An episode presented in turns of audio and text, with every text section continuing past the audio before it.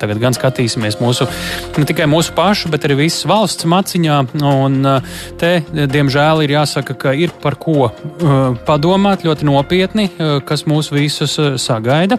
Un te runa ir, protams, par sankcijām pret Krieviju un kaut kādā ziņā arī no Krievijas vienā brīdī tās var būt, bet fiskālās disciplīnas padome to visu ņemot vērā arī, un ņemot vērā arī kara darbību, kas nav tieši sankcijas, bet kas var ietekmēt tirgu, naftas un citu energoresursu cenu izmaiņas, ka pastāv augsta varbūtība, ka mēs varam sagaidīt ne tikai vēl vienu valsts parādu pieaugumu vilni, bet vēl arī citas pietiekami nopietnas sekas, un tāpēc arī fiskālās disciplīnas padomas priekšsādātāja Inna Steinbuka pie programmas pēcpusdienu klausulas šobrīd. Labdien! Labdien! Nu, mēģināsim tā koncentrēti. Nu, kas tad tuvākajā nākotnē iezīmēs kā tie lielākie riski Latvijas valsts budžetam un līdz ar to arī visai mūsu tautsēmniecībai? Kas šobrīd ir redzams, jo daudz kas mēs saprotam nemaz īsti nav paredzams pagaidām vēl. Nu, vislielākais risks, es teiktu, saistīts ar cenu pieaugumu, jo mēs redzam, ka praktiski katru dienu uh, aug cenas par degvielu, mums pieaug rēķini par elektrību, par apkuri. Un ņemot vērā, ka nu, diemžēl nav sagaidāms, ka tas trends mainīsies tuvākajā laikā tās energoresursu cenas, cenu pieaugums noteikti ietekmēs un jau ietekmē arī citas cenu kategorijas un pirmām kārtām pārtiku. Un um, cenu pieaugums noteikti skars um, mūs visus, visus iedzīvotājus, mazināsies mūsu pirktspēja, bet it īpaši tas ietekmēs maz nodrošinātos cilvēkus, kas jau tagad dzīvo uz nabadzības liekšņa. Um, tā kā tā, tas ir pirmais pirmais risks.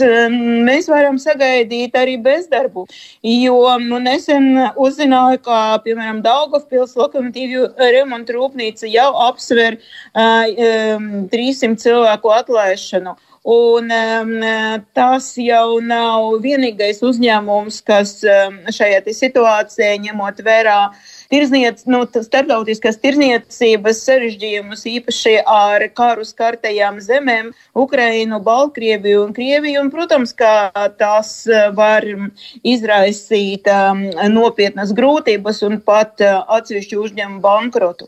Tā kā ir ļoti daudz. Uh, um, mums risku runāt par uzņēmumiem. Uh, strauši izēvielu cenu pieaugums uh, noteikti negatīvi ietekmēs uzņēmumu konkurētspēju.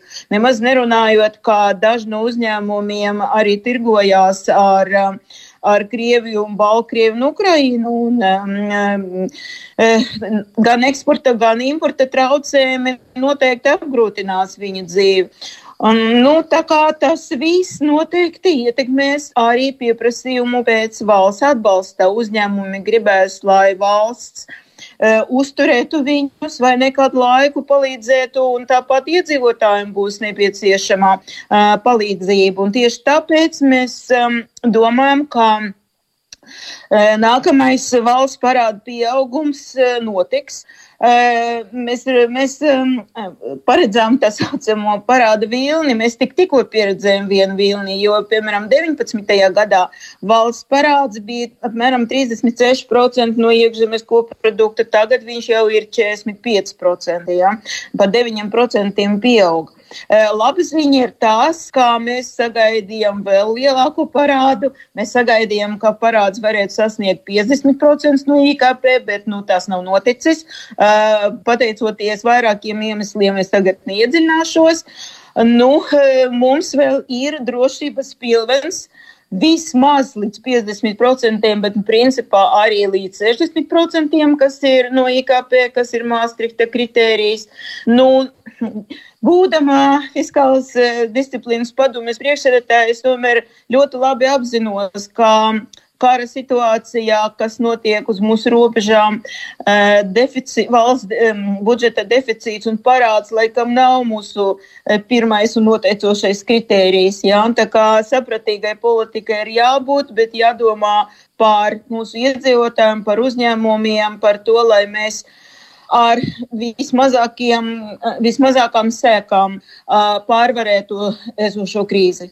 Kā jūs raksturot to krīzes nopietnību? Es jau varu vēlreiz atkārtot, ka to prognozēšanu es ļoti precīzi arī apzinos, ka nevar prasīt, jo ir grūti paredzēt, kā tieši tas un cik apjomīgi attīstīsies, bet nu, tas var būt stāsts par 2008. gada krīzes apmēriem, vai tas var būt stāsts pielīdzināms tepat tikko vēl faktiski nebeigušajai Covid krīzei, par ko, ko kādā kristāla bumbā jūs šobrīd ir iespējams cik skaidri ieskatīties?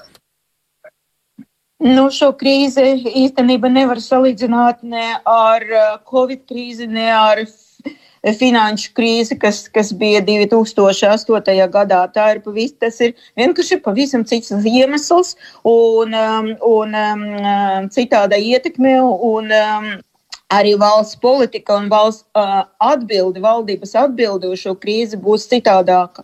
Uh, bet, jebkurā gadījumā krīze ir smaga, to mēs jau redzam. Uh, prognozēt, kā tā krīze beigsies, mēs tā īsti arī nevaram, jo tas ir atkarīgs no nu, mums, tas ir vismazāk atkarīgs.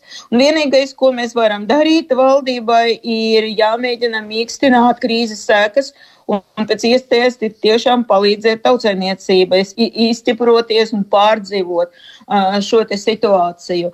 Galvenais mums ir tomēr saglabāt mieru un nepanikot. Tas ir tas galvenais, jo materiālas grūtības var tomēr pārvarēt un var arī pārdzīvot, īpaši, ja valdība palīdz. Par kuru Jā, mieru jūs runājat vai... tādā ekonomiskā ziņā, ko nevajadzētu darīt šādos apstākļos ekonomiski, budžetiski?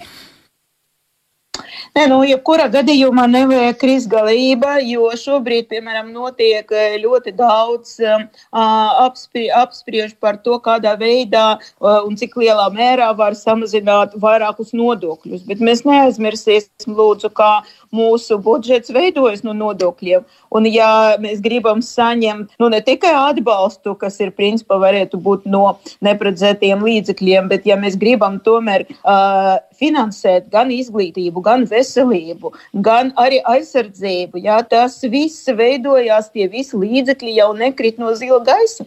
Uh, tie ir mūsu nodokļu ieņēmumi. Līdz ar to ļoti, ļoti uzmanīgi jāizvērtē, ko mēs varam darīt un ko mēs nevaram darīt. Piemēram, runājot par akcīzi uh, par degvielu. Ja? Uh, Šobrīd tās arī ir ļoti, ļoti aktuāla tēma. Nu, ja. e, nu, es teiktu, ka degvielu, piemēram, patērē visvairāk kās, tomēr vai nu vidējs slānis, nu, cilvēki ar vidējiem ienākumiem, vai nu arī turīgie cilvēki. Un tie turīgie cilvēki noteikti var tomēr pārdzīvot to e, cenu pieaugumu un joprojām vai nē. Tā kā akcijas nodokļa samazināšanas nedos īstenībā ļoti nopietnu efektu jo, eh, jo tas prasīs ļoti lielu, kas saka, atbalstu no budžeta. Bet elastība nu, ir tāds ekonomika jēdziens, ka cenu elastība, ja, un cenu elastība būs zema. Tā, tā cena ne īpaši samazināsies. Bez tām arī cilvēki cilvēki mainīs savus pieradumus, un daudzi varbūt vairāk izmanto sabiedrisko transportu. Jā. Tīpaši maznodrošinātie. Nu, tāpēc ļoti svarīgi nepieļaut sabiedriskā transporta cenu pieaugumu. Par sabiedriskā transporta cenām mēs tieši runāsim pēc apmēram stundas. Liels paldies, ka pieteicāt šo mūsu tematu. Mēs sakām jums paldies arī par sarunu. Fiskālās disciplīnas padomas priekšsērētāja Inna Steinbuka bija pie Latvijas radio viens programmas pēcpusdienu klausos.